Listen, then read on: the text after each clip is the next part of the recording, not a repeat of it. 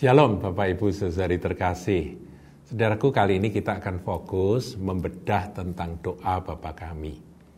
Memang eh, pelajaran tentang doa Bapa kami sudah beberapa kali disampaikan, tapi karena ini adalah satu pola doa yang diajarkan oleh Tuhan Yesus kepada kita, maka pasti ada rahasia-rahasia, ada hal-hal yang sangat uh, penting yang ada di dalam setiap kalimat doa Bapa kami tersebut.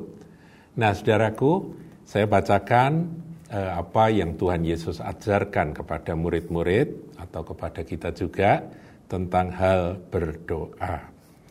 Mulai dari Matius 6 ayat yang ke ke-9, saudara saya bacakan ya. Karena itu berdoalah demikian. Bapa kami yang di sorga, dikuduskanlah namamu, datanglah kerajaanmu, jadilah kehendakmu di bumi seperti di sorga. Berikanlah kami pada hari ini makanan kami yang secukupnya, dan ampunilah kami akan kesalahan kami, seperti kami juga mengampuni orang yang bersalah kepada kami. Dan janganlah membawa kami ke dalam pencobaan, tetapi lepaskanlah kami daripada yang jahat. Karena engkaulah yang mempunyai kerajaan dan kuasa dan kemuliaan sampai selama-lamanya. Amin. Nah saudaraku inilah doa dengan pola yang Tuhan ajarkan kepada kita semua yaitu berdoa sampai surga turun. Ya, heaven came down, ya sampai surga itu turun. Jadi kalau kita menginginkan sesuatu dari Allah, dari Bapa, maka kita harus berdoa ke sorga karena Bapa kita ada di sorga. Dan kita harus tahu, saudaraku, di sana sumber tak terbatas tersedia.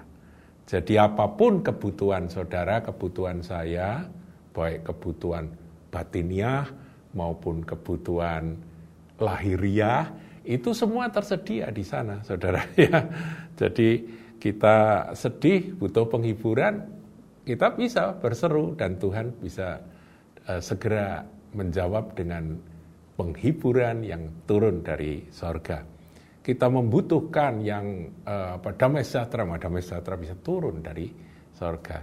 Jadi semua penyediaan ada di sana. Nah, doa pola Tuhan Yesus adalah berdoalah sampai surga turun. Nah, di dalam doa Bapa kami ini terkandung akan uh, dua hal, ya, dua poin. Ya, yang pertama yaitu keintiman kepada Allah pencipta langit dan bumi yang dinyatakan dalam penyembahan. Jadi kita ini meninggikan dan memuliakan dia dan itu ada di dalam kalimat pertama ya. Bapa kami yang di sorga, dikuduskanlah namamu. Hallowed be thy name. Jadi ini penyembahan. Kemudian poin berikutnya adalah datanglah kerajaanmu, jadilah kehendakmu di bumi seperti di sorga.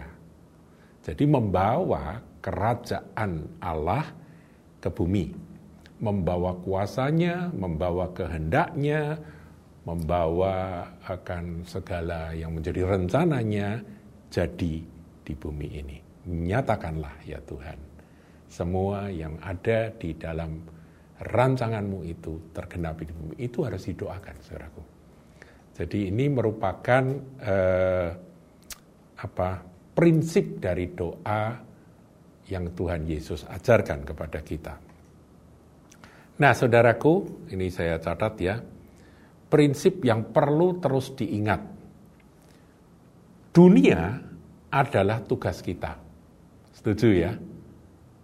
Dunia adalah tugas kita. Tentunya ini penugasan sementara. Tapi bukan rumah kita. Jadi dunia ini adalah tugas kita, tempat kita bertugas, tapi rumah kita bukan di dunia ini. Ya, jadi kita ini ada di dunia dengan tugas yang bertujuan atau bersifat kekal. Tugas-tugas kita itu bukan yang sementara saja. Meskipun kadang-kadang itu dilaksanakan dengan hal-hal yang menjawab kebutuhan sementara dari orang-orang sekeliling kita di bumi ini sementara, tetapi sesungguhnya tujuan utama kita bertugas di dunia ini adalah kekekalan. Dan ya saudara sumber-sumber yang dibutuhkan untuk menyelesaikan, memperlengkapi kita, membekali kita menyelesaikan uh, tugas tersebut itu saya beritahu saudaraku unlimited, tak terbatas. Wow. Saudara kalau kita menyadari akan hal ini aja hati kita bersuka cita ya. Bahwa kita ini punya sumber yang tak terbatas. Tapi ada pembatasnya, saudaraku. Ada yang membatasi, yaitu pikiran kita sendiri. Sikap hati kita yang kurang percaya. Itu yang membuat terbatasnya akan sumber itu mengalir ke bumi. Sebab itu kita harus berdoa berdoa dan berdoa dan berdoa. Haleluya.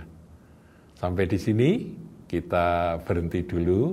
Nanti kita akan lanjutkan dengan seri tentang doa Bapa kami berikutnya. Tuhan Yesus memberkati.